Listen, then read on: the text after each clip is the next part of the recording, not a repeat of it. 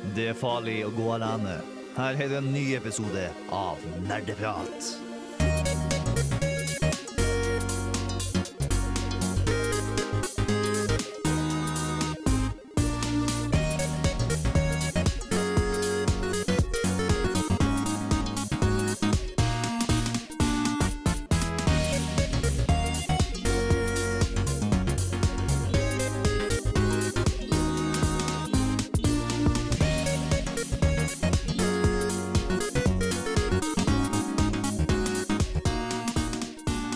Hallo, hallo, og hjertelig velkommen til nok en episode med Nerdeprat.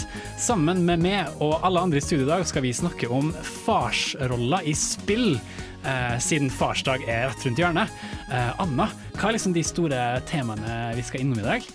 Nei, det er jo det vi skal snakke om som er hovedtema, som du sa. Fedre i spill. Vi skal snakke om ulike farsroller i spill, og hvor du kan finne de. Kanskje hvor relaterbare de er etter hvert òg. Eh, snakke litt om Dream Daddy-spillet. Snakke litt om fedre med barn, og hvordan man da kan spille sammen og gjøre det til en del av familielivet.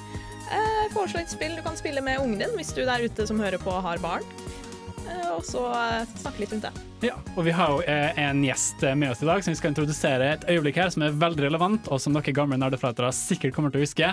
For det er ikke bare meg, Torben, Anna og Tommy, eh, dine faste nerdepratere, som er i studio i dag. Det er en som heter Erik Vibe. Hallo, Erik. God dag, god dag. Eh, Hvem, hvem er du? Litt sånn dumt spørsmål. Ja, nei, eh, det kan jo man kanskje ta med en annen plass. Men eh, i hvert fall i denne sammenhengen så er jeg en eh, gammel eh, Radio Revolt-medlem. eh, Eller en gammelt eh, medlem. Eh, Begynner å bli eh, ganske gammel, 32 år nå, og var aktiv for en eh, fem-seks års tid siden. Det var i hvert fall da jeg avslutta. Og eh, grunnen til at jeg avslutta, er kanskje ganske relevant for dagens sending, for jeg ble far. ja. Og eh, det ble jeg spurt da om å være med og veie inn litt på eh, dagens tema, og det vil jeg gjerne.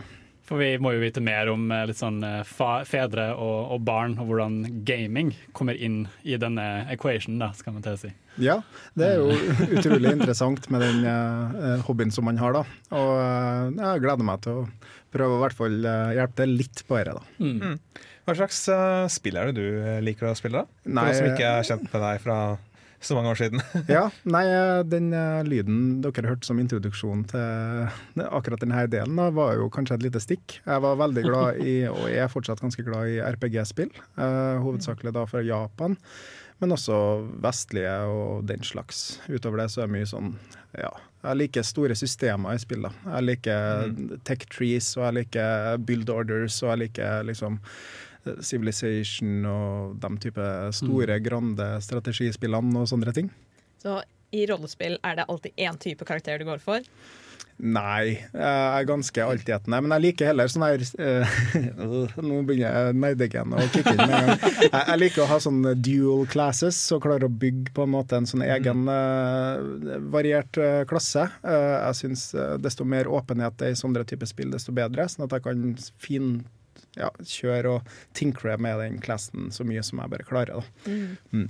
Så utrolig kult. Eh, hvor, når du var med eh, på Nerdeprat, så het det jo ikke Nerdeprat. Nei, det gjorde det ikke. Det er helt noe annet. Ja, da het vi Kontroll Alt Elite. Eh, Vi likte å si at vi var Norges første spillmagasin. eh, Og da mener vi det i den for forstand at før til og med liksom Nintendo-bladet kom, eller PC Gamer, eller alle de der tingene, så var eh, Kontroll Alt Elite.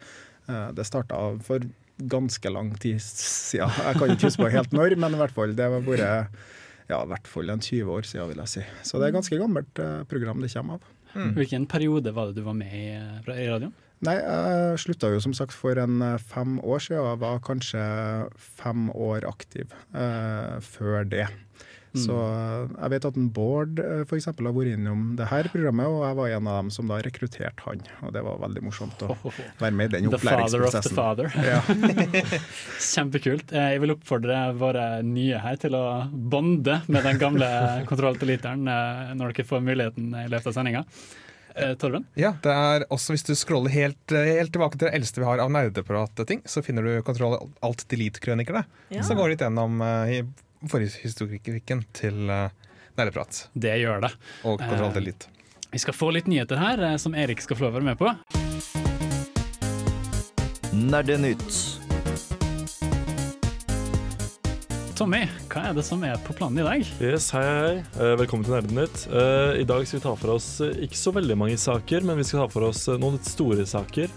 Eh, skal starte litt med en eh, litt mindre sak. Eh, gratulerer til Red Dead 2, som eh, alle Eller Red Dead Redemption 2 eh, fra Rockstar Gaming. Eh, solgt utrolig bra det, de siste få dager, de, den siste uka det har vært ute. Hvor mye har det solgt? 17 millioner eksemplarer er solgt på åtte dager. Jeg vil si det er ganske godt gjort. Bare den første helga så solgte det for sek eh, 6 milliarder kroner. Eh, det vil si at det ligger på en andreplass av mest solgte spill uh, på kortest mulig tid. Før, Jøss. eh, rett etter uh, GTA 5. Ja, du kan nesten si at det, det er en gullgruve. som sine westernspill. Det som var ekstra kult, var at dette er jo mer På denne uka, eller de åtte dagene eller hva det er det har vært ute, så har det solgt mer enn forgjengeren gjorde på åtte år. yes. Det første Red Seriøst? Dead Redemption-spillet solgte ikke så mye. For jeg vet at folk har gleda seg til forgjengeren skikkelig lenge nå. Uh, nei, forgjengeren. til oppfølgeren skikkelig lenge. Ja. Uh, vet du når eneren kom ut, uh, Tommy? Det var jo på forrige kon konsollgenerasjon. Det var, eh, Riktig, riktig. det var vel til og med på PlayStation 2? Var det Nei, det var vel tre. Det var det tre? ja. Var det ikke før? Jeg husker i hvert fall at folk var irriterte fordi de ikke kom på PC. Å, ja. Ah, riktig, riktig. Var det faktisk så sent som PlayStation 3? Wow, det... Men- Tiden flyr. Jeg- Jeg lurer litt på hvordan det liksom har blitt så stort nå. Er det, er det en fanbase som har blitt kjent med det gamle spillet og hatt mange år på det, og så har det vokst en skikkelig uh, følgeskare? Eller er det bare at det har blitt blesta så mye bra øh, om det, og det ser så bra ut at folk har blitt trukket til det uten å ha spilt det forrige? Jeg lurer på om det er en uh, veldig sånn appell til open world-spill for tida, Ja. uh, med Skyrim som kanskje det kroneksempelet. Altså folk eh, og kompiser som jeg har som egentlig aldri har bevandra seg noe særlig inn i fantasy-sjangeren eller det er open world med store muligheter, de ble veldig appellert eh, Altså de, de, de likte Skyrim veldig godt. da. Og den, eh, det skiftet til den typen actionspill tror jeg har gjort at eh, spill som Red Dead eh, kan gjøre det utrolig bra. Ja. Uh, og Red Dead var jo en ganske stor eh, hit sånn i starten allerede, liksom. Det, så det er ingen tvil om at eh, folk var jo Og det som var at de som var glad i spillet når det først kom ut, hypet de opp spillet ganske mye når de fant ut at oh, nå kommer en toer, som igjen fikk andre folk til å spille det gamle spillet, og så vokste fanbasen litt der, tenker jeg. Altså det var en sånn snøballeffekt. Ja. Liksom. Det vil jeg tro. Nei, men altså Helt siden spillet har blitt annonsert, så har det jo vært en helt syk Altså helt syk hype rundt det. Det er jo GTA med cowboy og indianer. Altså det, det, det, det skal jo selge seg sjøl. Det skal jo det. Men vi har jo ikke bare Red Dead eh, på Nei, vi har også en eh, Jeg tenkte vi kunne ta opp um, uh, Jo, eh, nå blir jo Riot Games, skaperne av League of Legends, det store Moba-spillet, eh, tidenes Moba-spill, så å si, blir jo saksøkt for kjønnsdiskriminering. Oi. Uh, og det er jo ikke første gang de har vært altså, vært inn på det her. De har nå blitt saksøkt for at eh, kvinner i, eh, altså i Riot Games får eh, en feil behandling da, med tanke på at de får mindre betalt enn menn, og de får og de sliter med å komme seg opp i rangene. Altså får kvinner får ikke lederstillinger. De mener at de da blir hindret lederstillinger. da. Ja. For det har jo vært litt sånn uh, reportasjer uh, fra Wild Games om at de har hatt en veldig sånn grow-kultur. Uh, veldig sånn giftig, hvis man kan kalle det på norsk. Toxic. uh... Ja. Det er uh, de han... samme folka som har vært i media nå veldig mange ganger, ikke det? Eller er det Rockstar? Uh... Eh, nå er det Rockstar som har vært i media Ja, okay. mye. det er ikke, det er ikke den samme grunnen, da. Det er ikke samme grunn. Stemmer, ja. Jeg tror, i hvert fall.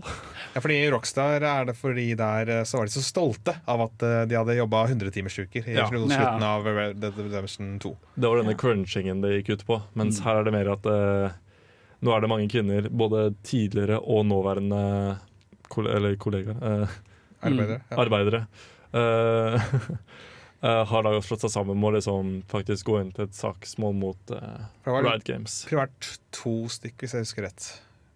Uh. Eh, ja, I den class action som Eller den eh, Ja. ja, det er to, uh, nå er det to hovedpersoner, men det er Mm. flere som har vært med på Sagt seg Ah. enig i det. da. Men det er vel i hovedsak eh, eh, McCracken og så mye Eh, som Jessica Negron, var det? Ja. Som er eh, de som er ledende i det, da. Ja. Men eh, så jeg håper de får eh, sin eh, justice. Yes, vi skal ri videre. Nerdenytt. Eh, Det er jo flere skandaler å snakke om, for Tommy. Yes. uh, nå skal vi snakke litt om eh, det nye Diablo-spillet og Blizzard og deres eh, PR. Riktig, Og fanbasen deres og hvordan de taklet dette. For de er jo kjempeflinke på PR, er det ikke det? Eh, vanligvis så har jo Blizzard gjort det greit, men altså, nå har de jo virkelig tryna skikkelig. Eh, det er litt sånn eh, De lærte seg å gå, og så gikk de rett på snørra. Eh, det kan skje, og det kan skje den beste, men eh, så lenge de lærer av det, så burde det gå fint. Det var vel på BlizzCon at det skjedde. Ja. De eh, klarte å annonsere et Diablo-spill som skulle komme ut, og så bare var alle skikkelig gira, men så ser vi at det kommer ikke på eh, PC eller sånt, det kommer på mobil. Jeg syns det høres skikkelig sånn Det var på BlitzCon alt skjedde. uh, nei, det var jo veldig den der med at Å, herregud, nytt Diablo, wow, ekstremt gøy. Og så bare Men det blir på mobil. Uh, men altså, det, det blir kjempebra, liksom. Det blir kjempebra. Det hjelper jo sikkert ikke at det ikke har kommet noe særlig med content til Diablo uh, på aldri så lenge heller, og det burde vel kanskje ha kommet liksom hånd i hånd med noe nytt content til PC-spillet. Det var jo sikkert derfor man ble så ekstra skuffa, for man forventa at etter alle disse årene så kommer de sikkert med et nytt PC-spill, for det tar jo tid å utvikle. Ja. Men nei da. Ja, nei, det var litt sånn de bare Altså Fansen har jo venta sykt lenge på liksom bare få noe skikkelig digg eh, Diablo-content, og så fikk de ikke det de ville ha. Men så kan vi også snakke litt om eh, disse fansa. da. Hvordan reagerer de, og hvordan takler de dette? Eh, ikke så bra, fordi internett er jo alltid en fin ting å slenge ut meningene sine. Men selv på offline, holdt på å si, på, var det ikke pipekonsert? Jeg, jeg, jeg har sett den videoen, eh, og det ble ganske skuffet stemning umiddelbart etter at, eh, at det ble annonsert. Eh, Da det var tid for spørsmål, så var det jo en eh, i rød T-skjorte som kom opp og bare Er, eh, er dette en eh, veldig tidlig aprilsnarr-spøk? Eh, og på et tidspunkt så sa en av annonsørene Men har dere ikke mobiler? Som er en litt uheldig setning å slenge ut til et publikum som er skuffa over dere allerede. Ja, uh, nei, ikke kast eh, olje på bålet, kanskje. Nei, det var noen brannfakler der. Ja, eh, og den kaster de litt sånn forskjellige retninger. Men på en annen side så er jo mobilspill i seg selv en ganske bra ting. Det er jo lette og tilgjengelig og billigere og sånn. Så man kan jo si at det er en bonus der. Og tingen er at mobilspill er en ting som er på vei oppover. Eh, dessverre. Nei, jeg tuller. Eh, jeg, er, jeg er kjempefan av mobilspill, altså, hvis dere ikke hørte det. Men det er på vei oppover, og det gjør det bra. Men ikke i vestlige land. Nei. Men det interessante er at det er andre selskaper som eh, tar i bruk eh, lager mobilversjoner. Ikke versjoner, men eh, nye mobilspill i eksisterende eh, franchises, som f.eks. Befesta. Lager noen et mobilspill eh, ut av The Elder Scrolls. Ja. Uten at det ble møtt med pipekonsert. Kanskje fordi at de avslørte mye innhold som folk allerede det, det var liksom sånn ekstra greie. ja, ikke sant. Eh, også jeg føler at de gjorde det på en litt annen måte. De, liksom, de annonserte mobilspillet Altså Elder Scrolls eh, De annonserte jo det Skyrim-mobilspillet, som Mm. du kunne spille med skjermen Diagona. Hva det Diagonalt? Ikke Ja, ikke horisontalt, men eh, Landskap. Ja. Mm. Uh, ja. At du kunne ha den rett fram, sånn som når du sånn, skriver. ja. Ja. ja. Vanlig Ah, eh, portrettmodus. Portrettmodus, takk. Jeg bare, Hva heter det igjen? Eh, nei, men Beklager. Jeg var ikke ferdig. Det går fint. Eh, men altså, de annonserte det, og de annonserte det ganske tidlig i E3, ikke så sent. Mm. Eh, Jeg tror det Blizzard kunne gjort, var å eh, Den heldigste måten de kunne annonsert et mobilspill på, var hvis det først var blitt annonsert dette vil komme på PC, og så annonsere i etterkant. Men det kan også spilles på mobil! Det er den måten jeg tror at PC-folk hadde vært fornøyde. Eneste måten. yes, det er også en ting. Men eh, det som også er en ting er at mobilspill er veldig mye brukt i Kina. Så der ville de hatt litt større suksess, hvis det, har- hvis det er det de hadde gått for. Mm. Og dessuten så Å porte til mobil er kanskje ikke så lett å lage en bra mobilspill ut av et eksisterende spill. Så det er flere som prøver nå. Mm. Mm. Det var egentlig det vi hadde om fansen. Sånn, altså, så, prøv å være litt hyggelige på nettet, folkens. Det går an. Du må ikke slenge ut enhver kommentar du tenker på.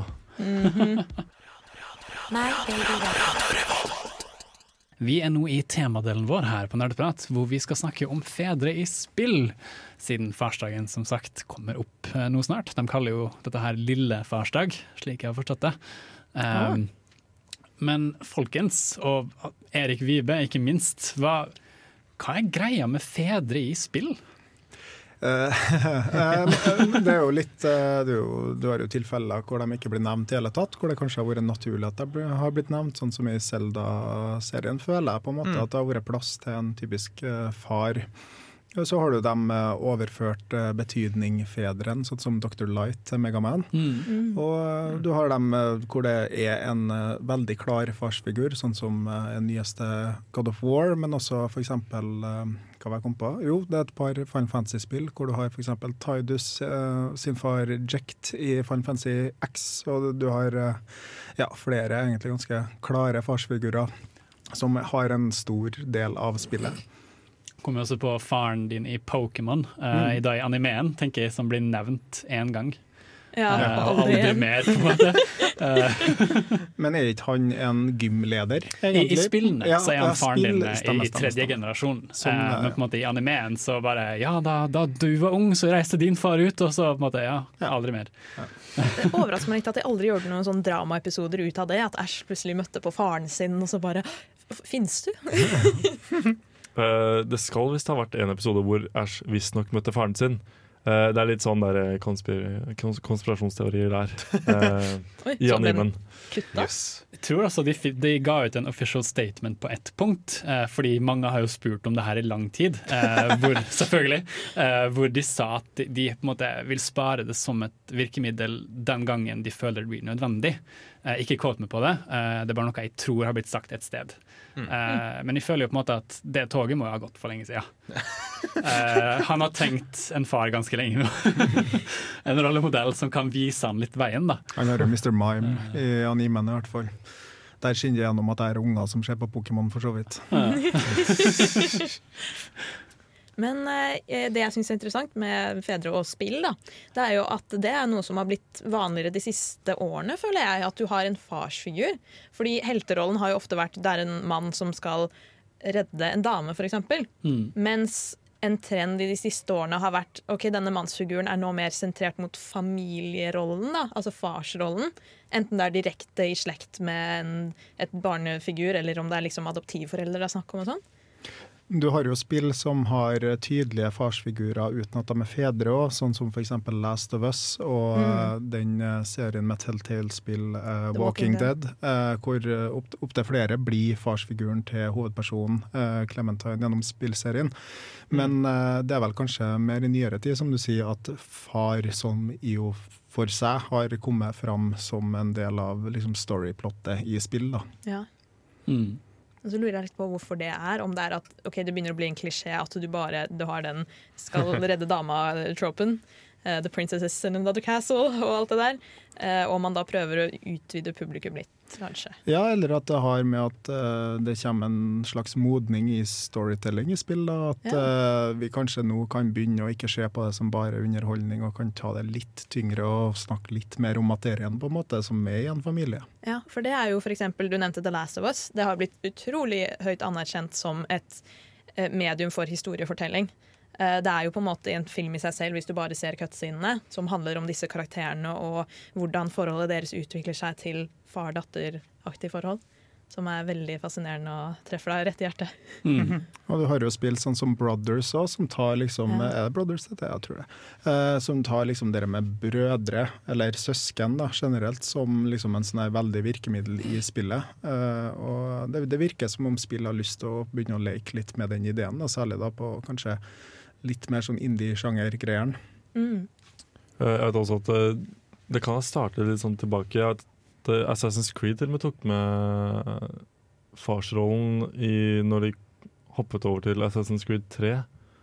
Så ble faktisk farsrollen en stor eh, rolle akkurat der. Så jeg lurer på om ikke det kanskje kan ha vært der hvor liksom brekkpunktet begynte å liksom havne over på farsrollen. Kan det ha vært det? Eh, Jeg har ikke spilt det. Er da faren din en bad guy, eller er du mer sånn positivt eh, forhold, eller? Uh, faren din er en templar, og så er du en uh, assassin. Så det er litt sånn oh, ja, Du går ikke helt ok. i dine fars uh, fotspor. Ikke akkurat. Men jeg tror faren din Konflikt. For jeg tror faren din later som han er Jeg husker ikke helt åssen det går. Nei, jeg tror nok kanskje uh, det har blitt mer brukt som et virkemiddel i Japan enn andre plasser. Uh, hvis du Ja. ser på f.eks. Tekken-serien, så er jo det et helt oppsop av fedre og sønner og besteforeldre som er oppi trynene til hverandre. Eh, og jeg vet at det er flere typiske JRPG-spill i hvert fall, som bruker dere til alt det er verdt, både med mødre og fedre. og Sui-koden og Final Fantasy nevnt tidligere, og det finnes mange spill som liksom har Du møter pappaen din, du skal slåss med pappaen din, pappaen din er siste bossen, veldig mye sånne greier. Men de tar det mye mer lett da, enn de nyere vestlige spillerne har gjort, som har brukt den tropen, på en måte. Vi snakket jo om, eh, Du nevnte jo Final Fantasy med Tidus her. Eh, altså Karakteren jeg vil si som har det største dad-komplekset, Ja. eh, kanskje. Eh, en veldig kul boss-låt eh, fra Jack der, som jeg skulle tatt med, men den er ikke så radiovennlig, dessverre. Litt heavy metal. Ja, nei, jeg skulle bare kommentere et kommentar om at eh, er Japan egentlig det landet som bare har en haug med father issues? Det, det kan Eller daddy være. issues? Jeg tror i hvert fall i større grad der at uh, fedre kanskje er litt, kan være litt fraværende i barndommen. Fordi at uh, de eh, er nødt til å reise inn til byen og jobbe, og kanskje være i byen på ikke rekke hjem til kveldene. Mm. Kanskje bare rekke innom en uh, svipptur i helgen. Mm. Sånn at, Det er kanskje derfor du har sånn manglende fedrefigurer i Pokémon og Earthbound, for eksempel. Mm. Earthbound så ringer jo bare faren din over telefonen. Spør hvordan du har det. Og, er det ikke sånn du lagrer spillet? Jo, det lagrer ved å ringe faren din. Åh. Det er jo så utrolig koselig. Du lytter til Nerdeprat fra Radio Revolt. You're listening to Nerd Talk from Radio Revolt. Vi skal videre i temaet vårt og snakke litt om eh, grunnen til at Erik er her. Eh, for Erik, du slutta jo i eh, radioen fordi, som du nevnte, du, du fikk en radiobaby. Ja. Eller ikke ra eh, det var ett radiomedlem som var med i den eh, Radiobaby-melkinga. Men eh, ja, jeg var aktiv i Radio Revolt mens jeg fikk barn. Jeg skrev faktisk en anmeldelse mens vi var på sjukehusseng. Eh, Det ble en nettsak, da, men det var litt artig å holde på likevel. For jeg fikk to. Jeg fikk tvillinger. Eh, og da begynte det å ta ganske mye tid eh, fra å være her en gang i uka og gjøre veldig mye arbeid. da. Hvordan i alle dager klarte du å konsentrere deg på en anmeldelse når du var på sykehuset? Vi, eh, når man får tvillinger, så er man ganske lenge på sykehuset. Vi var her i ti dager. Og eh, babyer sov, eh, og jeg hadde tida til å gjøre noe annet mens de sov, bortsett fra å bare kikke på dem veldig intenst og passe på at de hadde ålreit. Eh, Så da skrev jeg en Bad Piggies-anmeldelse. Det er et sånn der Angry Birds spin-off-greie som jeg bare ja, skrev bare ned. Det første jeg så for meg, var sånn Se på disse tvillingene, bare. Ja ja, kjære, det er flott, men en anmeldelse. Jeg må, jeg må fokusere. Nei, det var, jeg hadde, vi hadde veldig god tid, og vi begynte å bli lei av både sykehusmat og sesamburger, så da Ja. ble det å, å gjøre noe annet en liten stund. Det var liksom ikke menn under fødselen, når som regel stresset er på det ytterste noensinne. Nei, da var jeg fullt opptatt med noe annet. Ja. Skjelv som et aspeløv, blant annet. Men eh, ja, eh, de har jo nå begynt å eh, komme i skolealder. og i hvert fall én av dem er veldig interessert i spill. Hun andre hun gir seg ikke sånn kjempemye, men har veldig stor glede av bl.a. Pokémon og Nymen og Pokémon eh, kortspill, og er litt inne i den interessen, i hvert fall. da. Følger hun med på serien som, som er nå på en måte aktuell, eller Ja, ja. starter hun helt fra starten? på Nei, vi, måte? vi, vi har sett litt på de gamle episodene nå, men hun, vi har vært gjennom YX, og vi holder på med Sun and Moon nå, og så har vi også sett den forrige hva, Jeg husker ikke hva som er mellom der. Pokémon EX er jo ganske god eh, sesong, faktisk. Mm. ja. de steppa opp uh, gamet sitt ganske kraftig der. Ja, det begynner å bli veldig spennende. Er det den nyeste, eller hva? Nei, Sun and Moon er den nyeste. Okay, og det var ja. en på Hawaii-ish. Ja, Mm. fordi det var der de hadde fornya tegnestilen Ja. ganske og Yes. sånn. Ja, og den ble veldig barnevennlig, egentlig, den tegnestilen òg, men de Mm. klarte fortsatt å holde plottene ganske interessant. Hørt mye bra om det. Det er jo noen eh, eldre fans som selvfølgelig uh, riot furoret, uh, men hørte mye bra. Ja, det er mye heller Pokémon enn Peppa og Gris, i hvert fall, eksempel. Eh, Det må jeg si. Det var veldig eh, betryggende å se at de syntes det var ålreit. Men uh, jeg kom på en ting. Du har, du har tvillinger, og det tar mye tid. Mm. Og samtidig som du er veldig glad i store spill, Ja. som du gjerne kan synke flere titalls, gjerne 60-80 timer inn i. Hvordan, hvordan går det med spillinga for tida? Nei, det, det er ikke så mye som det brukte å være før uh, ungene. Men uh, nå har jo de blitt gamle nok til å begynne å spille litt sjøl. Så jeg og gutten min vi koser oss veldig mye med Megaman, blant annet. Eh, vi har både lasta ned de Super Nintendo-versjonene og Nintendo-versjonene, og nå den nye, eh, nyeste Jeg kommer ikke på hva det heter engang. Megaman men- 11? Megaman 11, ja. Det var vi veldig fornøyd med begge to. Mm. Og vi har spilt gjennom det sammen og hadde kosa oss masse med det. Men sånn på personlig eh, basis så var det jo ikke eh, de, de livespillene, for jeg likte jo også f.eks. League of Legends, men du kan ikke dedikere 45 minutter mens du har unger. Altså det er når de dupper og sånne ting. Men eh, jeg fant ut at turbaserte spill, det er topp.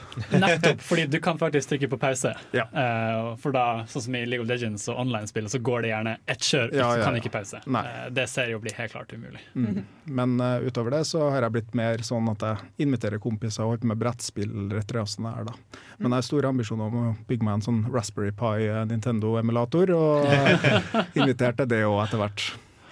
Har du hatt noen problemer med at ungen eh, har ved et uhell eh, sletta en save-fil eller, eh, eller noe sånt ennå, eller er det Ja, vi har både hatt Wii U, og nå har vi Nintendo Switch. På Wii U-en så endte gutten opp med å slette en Zelda-save fra Breath of the Wild.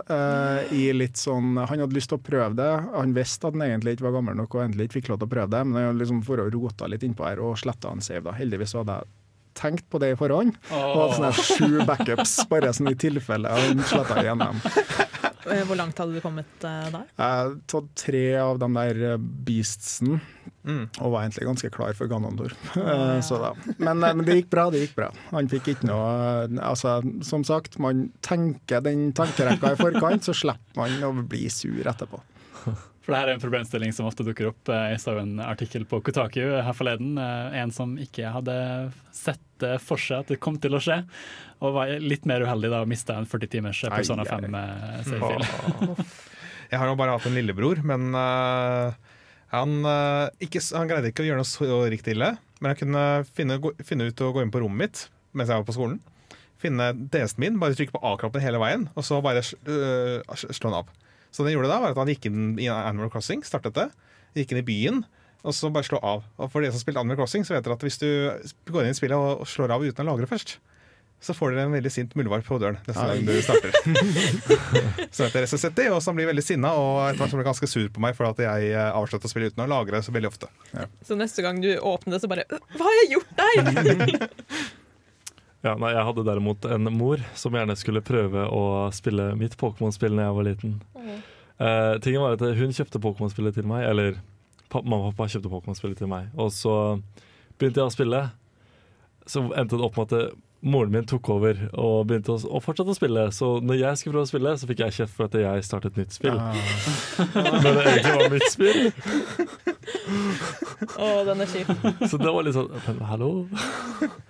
Spiller du noe spill med ungene dine, Erik? Ja, det er som sagt, som sagt Megaman. Ja, jeg og riktig, gutten koser oss mye med det, men jeg spiller med begge to. Han spiller Mario Kart, og vi har også Mario Party og Mario Odyssey. Så det går mye Mario, da. Så det er Nintendo som er den store Ja. hos dere. Eh, vi har ikke kjøpt noen av de nye konsollene til noen av de andre. Eh, vi har begynt så vidt med PC, for det er jo faktisk en del PC de bruker i skolen nå. Uh, så jeg har prøvd å få jenta til å bli litt interessert i Peggle, f.eks., hvis det er noen som vet om det. Det er sånn veldig Du skyter en ball på flere baller, og så lyser det, og så får du fyrverkeri. Og I håp om at det kanskje appellerer litt, da. Men uh, ja, det er jo litt sånn eh, ymse der. Men eh, mer det at de blir vant med å bruke mus. Du har ikke lært deg hvordan de liksom eh, kommer seg inn på spill og sånt på skolen, sånn at de kan spille på skolen? Nei, så datavant er de eh, ennå. Eh, siden du spiller Mario Kart og sånn med ungene dine, så må jeg jo nesten spørre. Lar du dem vinne med vilje? Oh. Eh, eh, altså, vi, jeg prøver å ikke spille så mye mot dem, for at det blir, eh, det blir rått parti. Eh, men det, altså, de er jo såpass små at bare det å holde seg på veien er vanskelig nok, på en måte. Ja. Og når du klarer å sladde og få deg boosten og sånne ting, så er det ikke så artig å spille mot pappa i akkurat de spillene, kanskje. Vi snakket jo her om eh, gaming, om fedre og om barn. Hele denne rollen der. Eh, og en ting jeg har lyst til å spørre deg litt om nå, eh, Vibe, er dette her med skjermtid. Eh, fordi eh, når du vokste opp, så antar jeg at du brukte en god del tid kanskje foran eh, skjermen, eh, og nå som du på en måte har barn sjøl, og merker at en av de i hvert fall begynner å spille, eh, finner du det da i en litt merkelig situasjon hvor du må spille mindre fordi du må si det samme til de, på en måte? Ja, eh, på en måte så blir det jo sånn. Eh, Med en foreldrerolle så kommer det jo en god del ansvar. Og man eh, oppdager jo at man kanskje ikke kan ha like stor frihet til å gjøre de tingene man har lyst til hele tida. Det har man jo litt større grad når man er unge sjøl, og litt større grad også når man er student og flytter hjem, eh, altså hjemmefra og sånne ting. Eh, Så vi har skjermtid eh, i den forstand at vi spiller i helgen. Eller hvis det er noe spesielt som dukker opp i løpet av ukedagene som gjør at vi kan spille ja, Si at det har vært regner veldig mye ut, eller fotballtreninga vært avlyst, eller et eller annet sånt der, så kan vi ta oss liksom lov til å spille litt, da. Um, og så skjønner jeg jo også uh, Nå var det litt artig, for at det var et barn på jobben min, jeg jobber på en skole, som var syk i dag. Jeg vet tilfeldigvis at han fikk seg PlayStation 4 i går. og det er jo litt sånn, Rett etter vi kjøpte oss Megaman, så fikk jo jeg òg veldig lyst til å spille sammen med gutten min. Eh, og skjønner jo at han har lyst til å spille på en mandag, selv om vi kjøpte, altså, siden vi kjøpte på en søndag. Så kanskje det går an til å ha, gi litt slack her og der, men det viktigste er liksom at rommet er ryddig og senga er ryddig opp. Og, eller ikke senga er ryddig opp, vi er ikke så ryddige. Men, men eh, at leksene er gjort i hvert fall, og middagen er fortært. eh, og så kan vi se litt på det etter det. Men det, det er jo en problematikk, dere det med skjermtid og unger. For at, eh, jeg kunne jo tenkt meg å spilt mer enn jeg gjør, jeg òg. Men så vet jeg jo også, hvis jeg skal være en fungerende far, så vil jeg gjerne også trene litt. Jeg vil holde på med andre ting. Jeg må lage matpakker, lage middag og sånne ting. Og jeg vil jo på en måte få fra en tidlig alder at vi har ansvar som vi må gjøre. Og eh, det tror jeg gjøres best med å gjøre det lystbetont og spille når man har tida til og kan tillate det, på en måte. Dere kan jo skaffe dere Wii Sports, så kan dere liksom spille og være i fysisk aktivitet. Ja, ja, ja. ja, nei, det går an, det. Og det, det, det er veldig mye sånn gamifying som jeg setter veldig stor pris på. Eh, også i arbeidet mitt med unger eh, når jeg jobber på en skole. da. Um, for at det har store store sånne fordeler for dem som begynner å bli litt skolelei allerede på barneskolen. Mm. Var det, var det vanskelig for deg når du innså at liksom, nå må jeg faktisk begrense meg litt?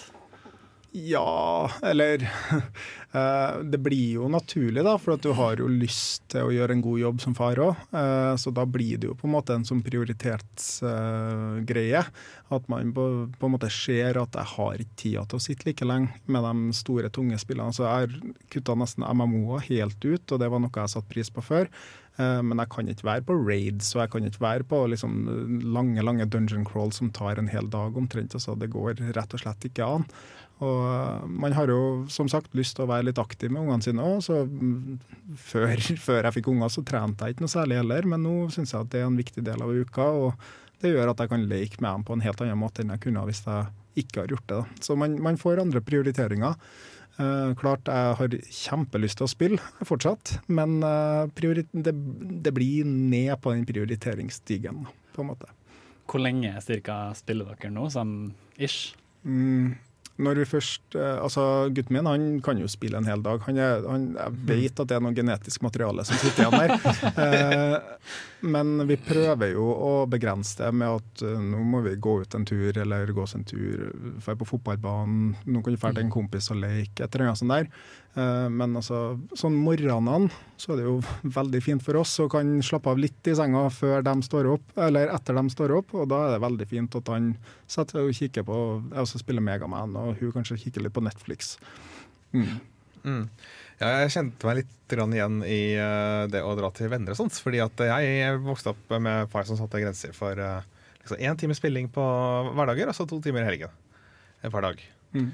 Og det det resulterte i, var at jeg likte veldig godt å dra hjem til venner som kunne spille alt de bare or- Mm.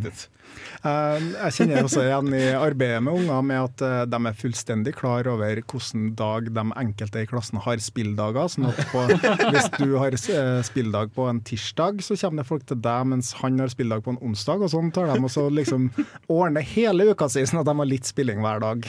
Så de er veldig finurlige å finne ut dette fort, altså. Er det noe særlig bruk av mobilspill i familien, da?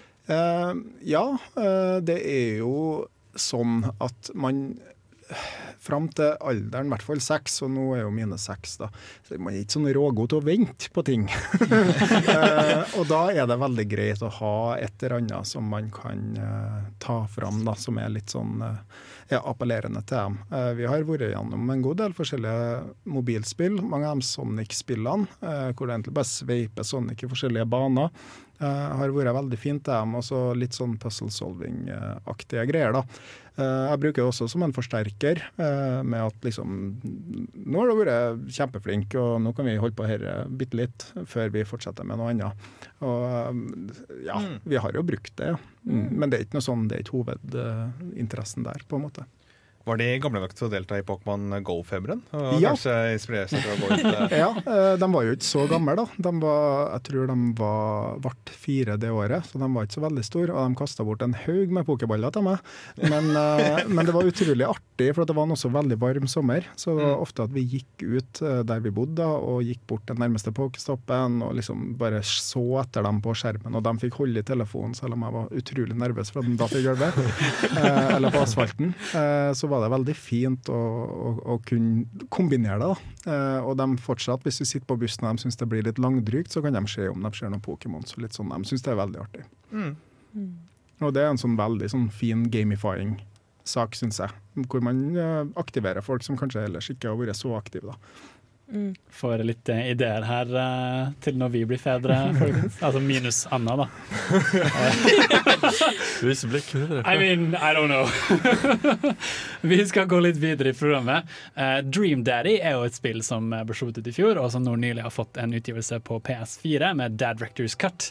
Uh, vi skal snakke litt mer om det, for det syns jeg er veldig relevant nå når vi snakker om fedre.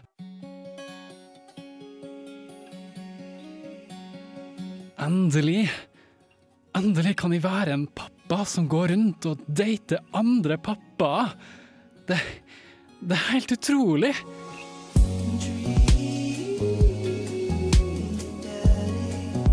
Oh, man.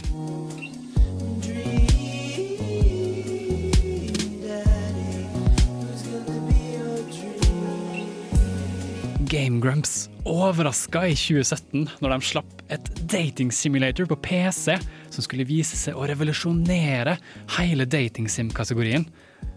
Det skal sies at denne kategorien er fylt med utrolig merkelige typer dating-sims, men dette spillet tok definitivt kaka. Hvis du ikke har hørt om Dream Daddy, så OK, la meg forklare. Dream Daddy er et vaskeekte dad dating simulator, hvor du er en pappa som nylig har flytta til andre sida av byen. Hvor det tilfeldigvis bor mange ledige og kjekke single dads som du kan bli kjent med. If you know what I mean. Alle har hver sin personlighet som vil appellere til ulike spillere, og fungerer i den forstand som et helt ordinært eh, datingsim som du har hørt om før, hvor målet er å vinne hjertet til en av fedrene som du har lyst til å bli sammen med. Det spiller ingen rolle hva slags legning du har når du spiller Dream Daddy. Jeg kan love deg at jeg er ganske glad i kvinner, men selv jeg måtte innrømme for meg sjøl at noen av disse dadsa til å spille her, oh boy, de er ganske kjekke. Nå finnes spillet også på PS4, og jeg kan sterkt anbefale deg å sjekke det ut hvis du har lyst på en ordentlig koselig spilleopplevelse denne helga. Det er tross alt farsdagen, så jeg ønsker dere en hjertelig god farsdag, alle dere kule gamerdads der ute. Å balansere gaming og kids, det er ikke lett. Dere er tross alt de ordentlige dreamdads.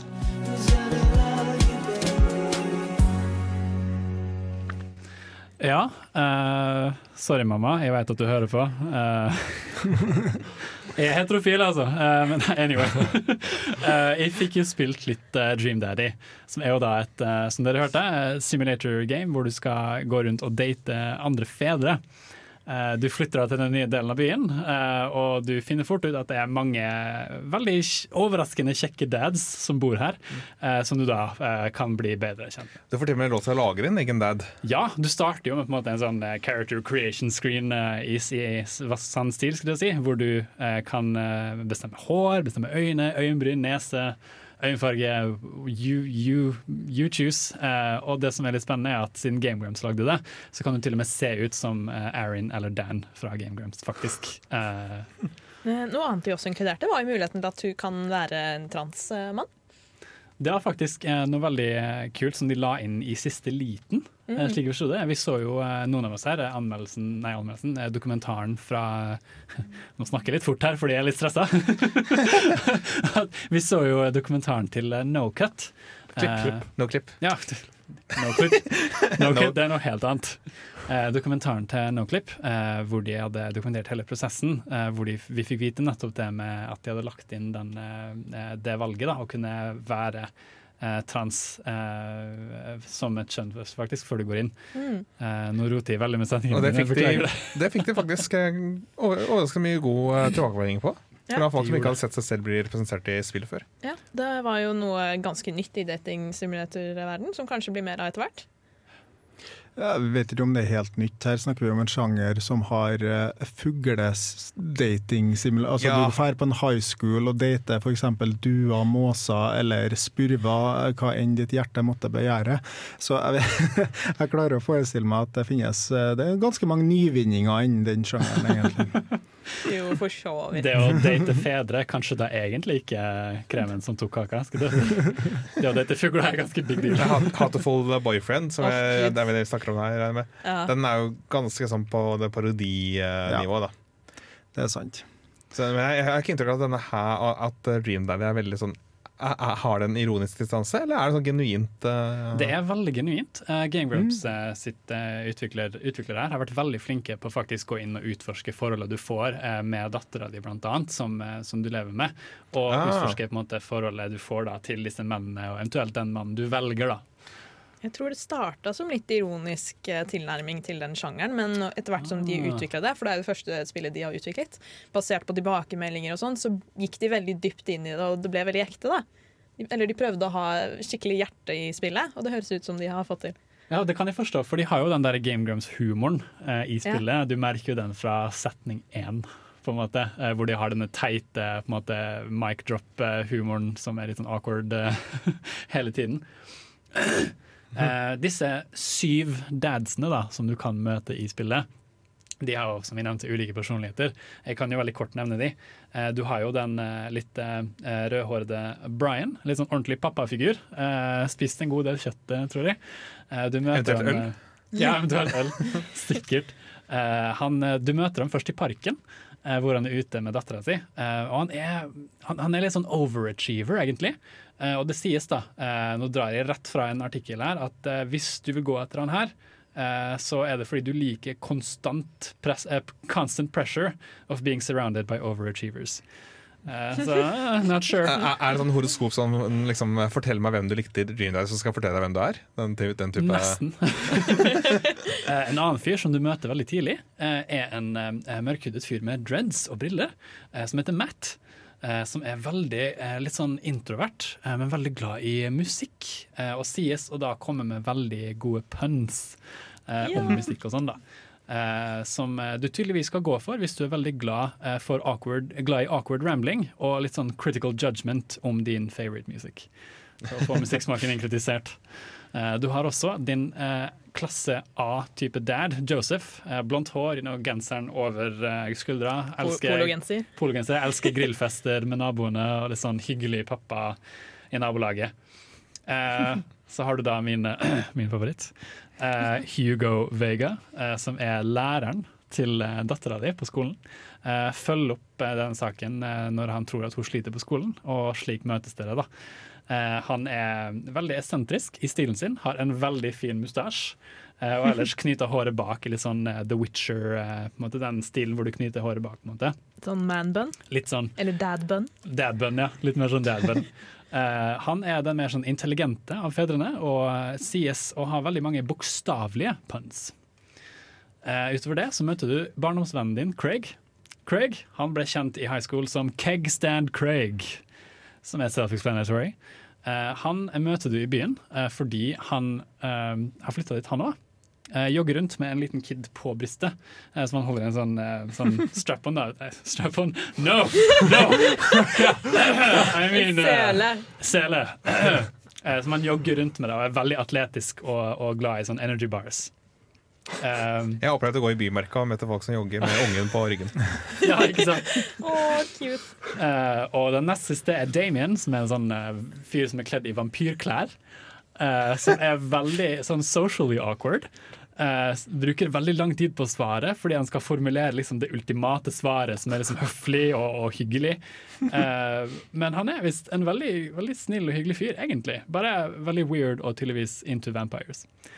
Eh, den siste og den mest sånn mystiske av fedrene er da Robert, som er en litt sånn no strings attached kind of dad. Eh, du møter han i baren veldig tidlig, når dattera di kaster det ut fordi hun skal ha en eh, sleepover med noen venner. Eh, og du sitter da med denne fyren og ser på fotballkampen på TV-en eh, og får valget om å følge med han hjem. Hvor du kan faktisk ende opp med å ha en one night stand der allerede sånn i starten av spillet. Eh, men han vil liksom ikke ha noen, noe seriøs business. På en måte. Han bare, det er en du kan på en måte leke med, kan, kan du si. Eh, hva er det jeg har snakket om de siste seks minuttene? Alle de flotte fedrene i dette spillet. Erik. Mm. Jeg er spent. Er det her noe du tror du kunne spilt? Ja, det ville jeg sagt.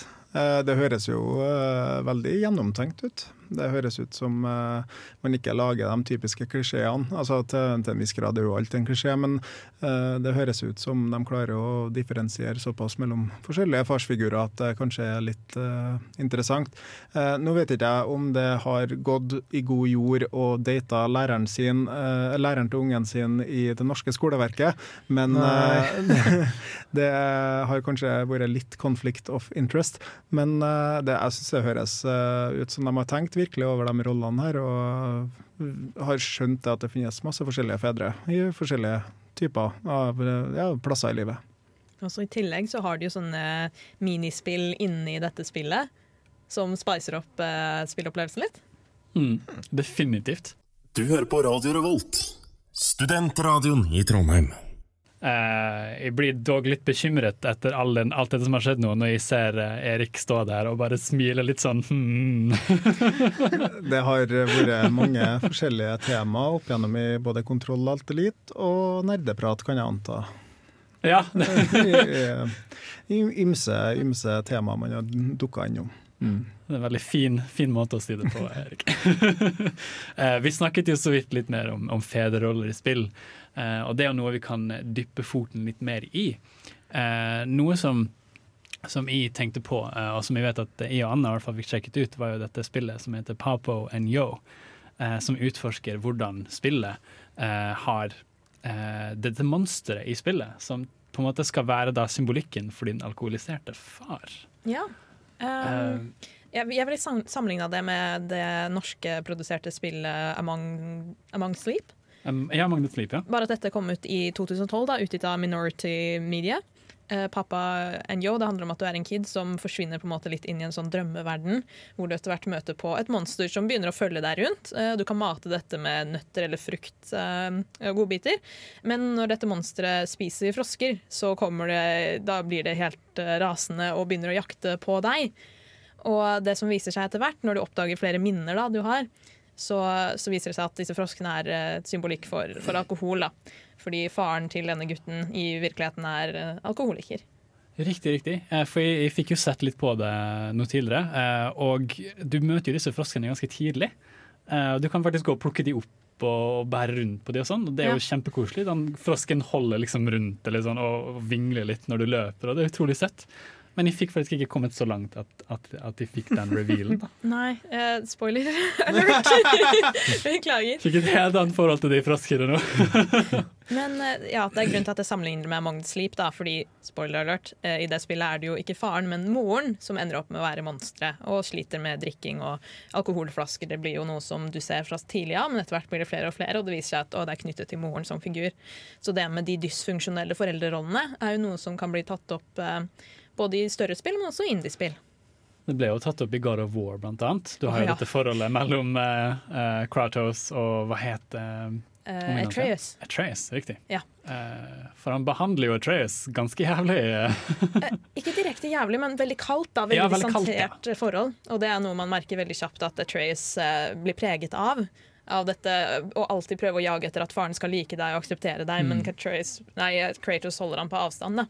Mm. Eh, For de som vet om Lauren til God of War, så er det jo klart hvorfor han gjør det. Han har jo slitt med raseri og mistet eh, familie før. Men han må jo lære seg å bli en god foreldrerolle. da. Fikk du eh, spilt God of War, Erik? Nei, jeg har ikke spilt det. det. Det har blitt sånn at det er litt vanskelig å spille de spillene på en måte som tar såpass mye tid, og som jeg kun kan spille på såkalt egentid.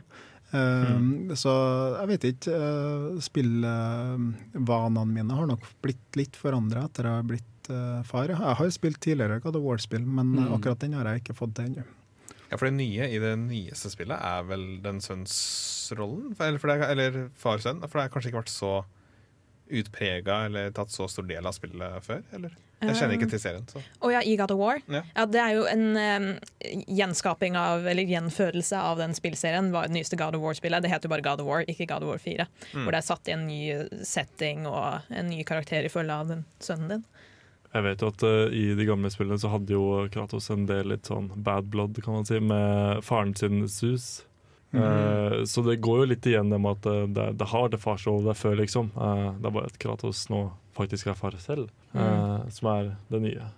Bare at denne gangen må Kratos eh, lære sønnen sin at nei, du må ikke gå rundt og myrde alle som du ser på som eh, onde. For det kan bare komme dårlige ting ut av det. Han innser litt han òg, kanskje, at du må slutte å gjøre ting du vil, og må begynne å gjøre ting du må. Å ha Som er- selvkontroll er er noe litt- han preacher gjennom spillet. Som er ganske nytt for Kratos, da, egentlig. uh, ja, han er en god del eldre i det spillet her da, enn det han er i de tre forrige spillene. Så han har hatt eh, tid til å prøve å, å lære selvkontroll selv. Tommy? Han, han er en gud. Åssen funker alderdom? Jeg, vil gjerne vite dette.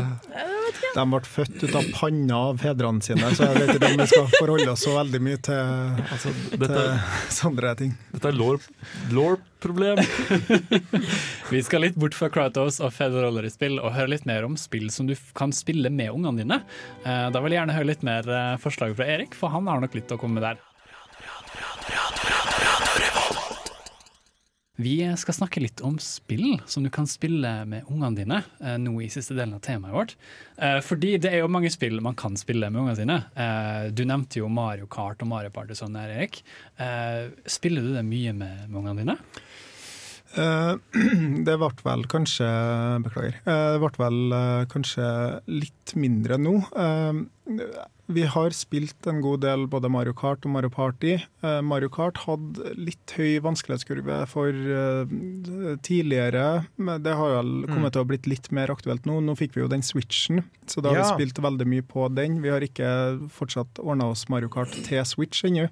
Eh, Men eh, det har gått veldig mye i Mario Odyssey. Eh, Jeg syns ikke toplayer-funksjonen på det er sånn kjempespennende, og ungene mine likte det heller egentlig ikke. Men de syntes det var veldig artig å klare å liksom finne de hemmelighetene før jeg gjorde det, eller finne stjern, der månene og stjernene og hva det nå enn var. Og de nye verdenene var veldig sånn prega av at det var sånn utforskerglede, da.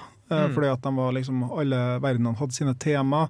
Det var det en hvor det var en sovende dinosaur, du hadde en som var spøkelsesverden, du hadde en som var liksom Kunne jeg fortelle dem at dette var den gamle Nintendo Mario på Nintendo 64, liksom. Ikke at de vet hva Nintendo 64 er, men, men det var sånn her herre, herre spilte jeg når jeg var liten, og de seksjonene med ren plattformer, det var jo tatt ut fra liksom den Mario som var på Nintendo. Nintendo, og det var veldig morsomt å kunne fortelle litt om hva jeg holdt på med. Da. Så Mario, Mario Odyssey var skikkelig gøy spill å spille med dem.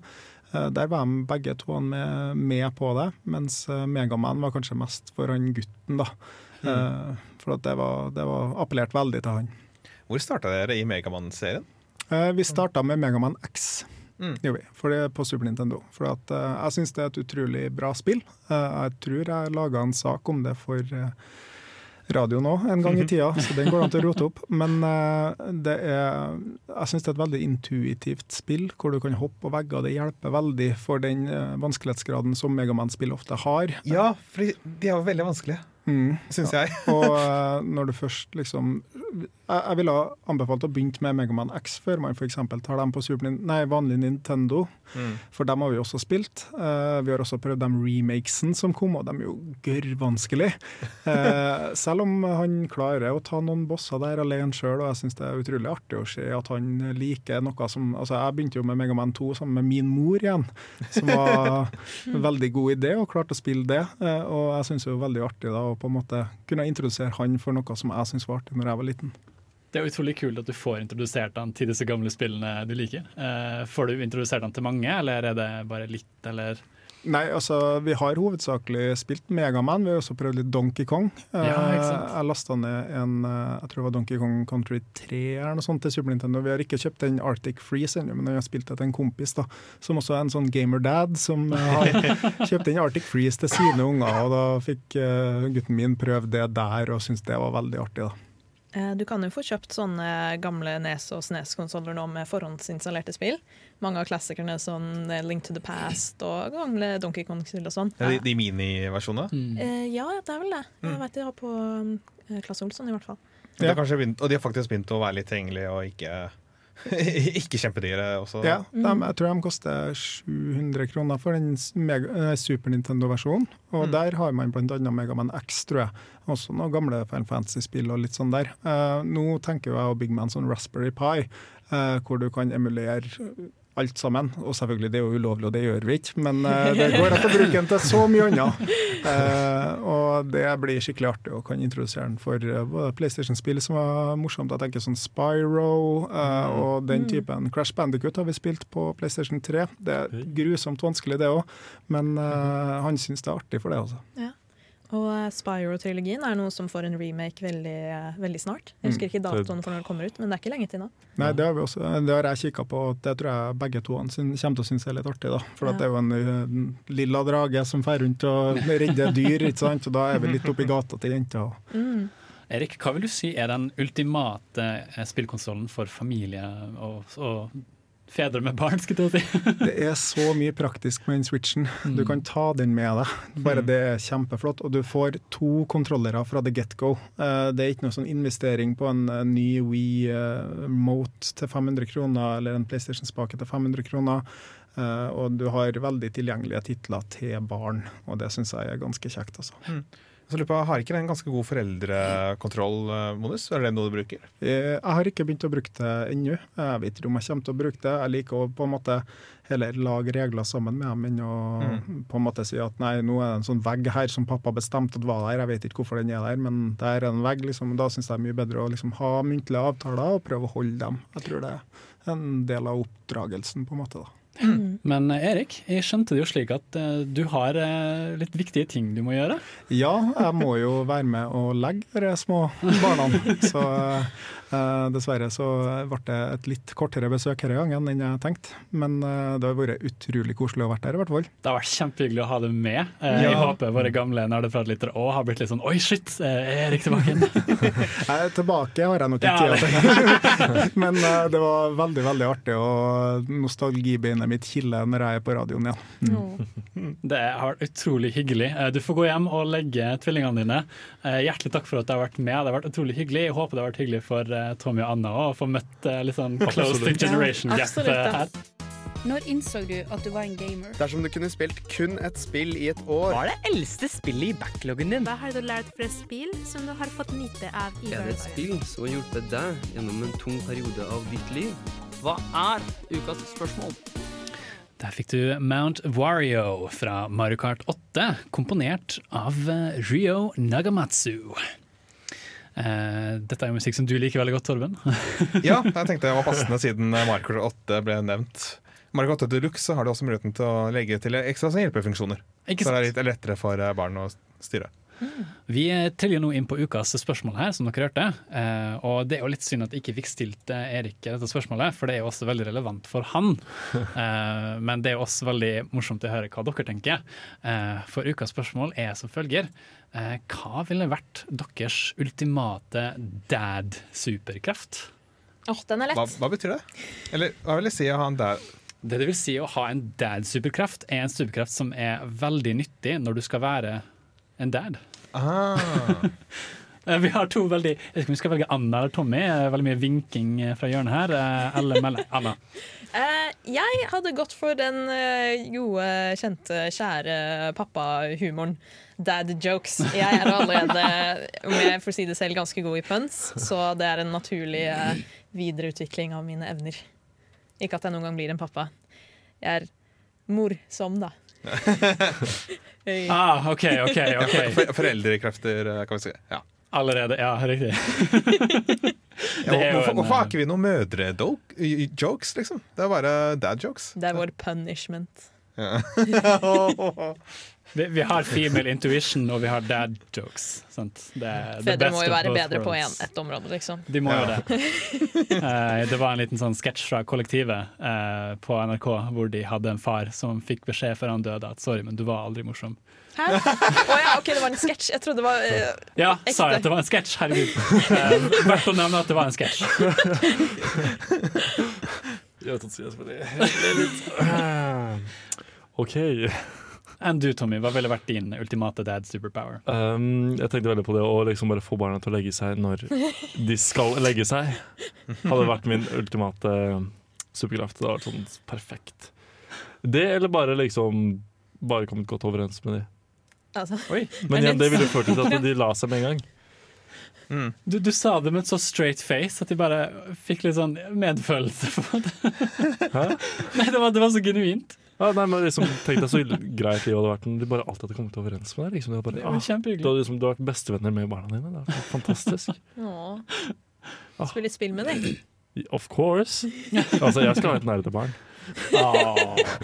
Ikke på samme måte som TM har oss som Har, nerdebarn, men har, du og, altså, har du og kjæresten din kommet på samtale? nei, nei, nei.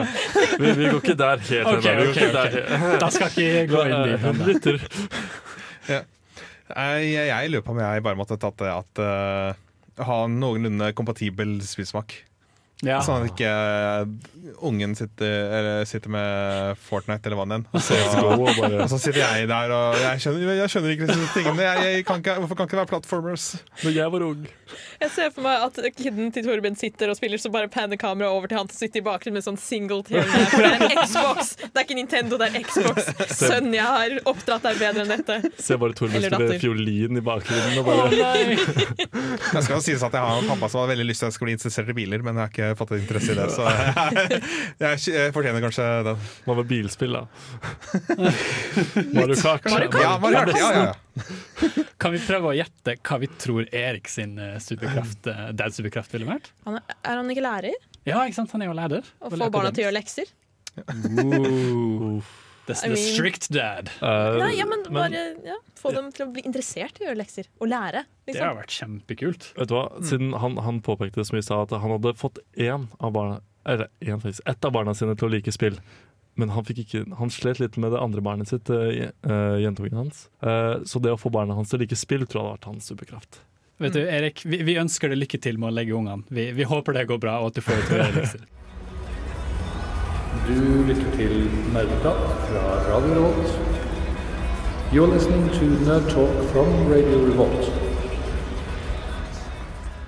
Anna, du nevnte til meg at du hadde spilt og lyst til å anbefale. Jeg er veldig spent på å høre hva det er. Eh, Det er et spill som heter Absu. Som er lagd ikke av um, That Game Company, eh, for det er mange som har jobbet på Journey av That Game Company, som har lagd Absu. Men de heter Ah. nå Giant Squid Studios fordi That Game Company ble bankrupt etter Journey. Ah. Eh, men i Absu eh, er det en ganske Lignende sånn lineær eh, reiseopplevelse. Du beveger deg gjennom en veldig vakker, eh, visuelt vakker eh, verden.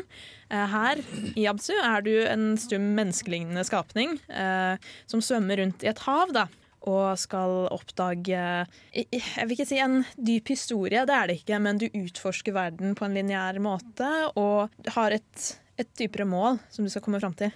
Jeg må bare si fra at That Game Company eh, lever fortsatt i beste velgående. Ok, Jeg hadde bare lest at de hadde brukt eh, opp hele budsjettet sitt eh, på å lage Journey, fordi det var opprinnelig så og så langt, og så vil de gjøre det enda større. Så Ja, men jeg tror de tjente med igjen mer enn nok. ja, det gir mening, De jobber nå med Sky. Journey Ja, Ja, ja. det er sant, for de skal jo ha det som først blir mobilspill, og så etter hvert på konsoll. Fikk litt sånn hjerte i halsen her. Bare, ja, That King Company gikk bankrupt. What? Sorry, det var my bad. Jeg er bare ikke oppdatert på det. Men det er mange, mange som var i That Game Company, gikk i hvert fall videre til Giant Squid Studios. Ja. Uh, og de lagde Absu. Og man Ja, for kan det- se veldig mange likhetstrekk. Ja, jeg, jeg trodde det var et That Game Company-spill. jeg, For, Nei. For, fordi det, det ser sånn ut. Det, Det ser veldig det. sånn uh... Og, og, og, um, og spilleopplevelsen er også veldig lik. Det er veldig vakker grafikk. Det er et fantastisk lydspor av samme uh, komponist, uh, Austin Wintry, som alltid gjør en fantastisk jobb. Oh. Eh, og det jeg ville trekke fram på grunn av at vi har den sendingen her, at det er veldig enkle kontroller. Eh, du har det jo på både PlayStation, Xbox One og Steam, hvor du nå kan få det for 70 kroner, for det er på salg. Eh, men på Steam så står det at det anbefales å spille med kontroller, fordi det er veldig glidende, glidende bevegelser. Sorry. Og du svømmer, da, du går ikke, så det gjør eh, opplevelsen enklere. Men det er litt spennende, for jeg føler mange spill sliter med å få til akkurat det å svømme. At det, det føles bra, på at. Ja. Men de har fått til det i uh... Jeg syns det gikk veldig, veldig greit. Og så kan du velge om du vil eh, inver inverse kontrollene også, ikke sant? så du kan jo tilpasse det enda mer etter det du foretrekker uh, i forhold til spillkontrollen. Mm, uh, men mm. de, har, de jobber ganske mye med det. Jeg vet at de har noen videoer ute på YouTube hvor man kan se arbeidet med programmeringen bak akkurat det aspektet, faktisk. Hvordan få til gode bevegelser i en sånn type spill. Men eh, jeg anbefaler det fordi det er eh, relativt kort. Du kan spille det med barnet ditt da, hvis du er en der ute som har barn og lytter og liker å spille. Eh, Det er ikke voldelig eller noe sånt på den måten at det er noe skyting involvert. Mm. Det er mer historiefokus, da. Og så er det også litt sånn lærerikt, fordi du kan ha sånn meditasjonspunkter hvor du skal sette deg ned, og så ser du alle fiskene og de ulike dyrene som eh, er rundt deg. Og så står det også navn da, på latin, og så lærer du deg hva de ulike artene heter. Så kult. Mm. Det minner meg litt om det spillet hvor du rir på den eh, flyet med en sånn rød bølge etter deg, hvor du går rundt i en sånn pikselrert verden. Jeg husker ikke hva det heter. Oh. Uh, oh, shit, jeg kan komme tilbake til det en annen gang. Uh, jeg kan jo så kort nevne at jeg hadde ikke internett den siste uka. Mm. uh, så jeg spilte da Persona 5, som jeg snakka så vidt om forrige gang, og sikkert gangen før der òg. jeg har runda det 100 Hey, congrats. congrats, congrats. Er ikke det et ganske lag, stort spill? Ja, det er stort spill, men når du har spilt det før, så går det fort å bare pju, rushe gjennom for trophies, I guess. Ja. Men eh, ja, så uh, you know, uh, stay in school, kids. uh, vi er straks tilbake. Det er jo litt ting som skjer uh, fremover nå. Eh, du nevnte jo så vidt noe som skjer med Medietilsynet, Torben. Ja, fordi på i fredag 9. november så skjer det en eh, dataspillkonferanse. Eh, eh, som eh, da- Medietilsynet har der arrangerer. Eh, det er ikke ledige plasser, men det er Og det er faktisk arrangert ledelse av Khalid. Asam, som tidligere var med i Kontroll til dit. Oh, det er jo veldig aktuelt. Der de tar opp litt aktuelle ting, ser jeg. Ja, det er, det er mulig å se på online, så det strømmes. Det starter klokka ni. Da er det Fortnite, blant annet, til glede for barn og fortvilelse for, for foreldre. Det er litt eh, den eh, vinklingen, men også litt sånn eh, forskning og også foreldrerollen og sånn. Lootboxes uh, tas også med. Er Fifa et lotteri? Det er jo Ja. Eh, og så er det jo farsdag på søndag. Det er jo det. Det er jo derfor vi har snakket om farsdag i dag. Hva er det de driver med? Eh, også verdt å nevne at det er en brettspillfestival som skjer hvert år, som skjer nå neste uke, eh, som heter Hexcon. Eh, hvor du kan stille opp og spille brettspill og være med på litt eh, Pathfinder, litt Dungeons and Dragons. Uh, Det er den ene dagen i året jeg får spille DND som spiller, som deltaker, som ikke som dungeon master. Ja, for det er 16. til 18. november, så jeg ser her. Ja.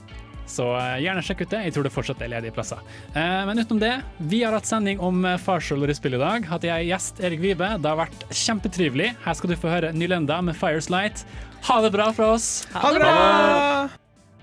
Du har lyttet til en podkast på Radio Revolt, studentradioen i Trondheim.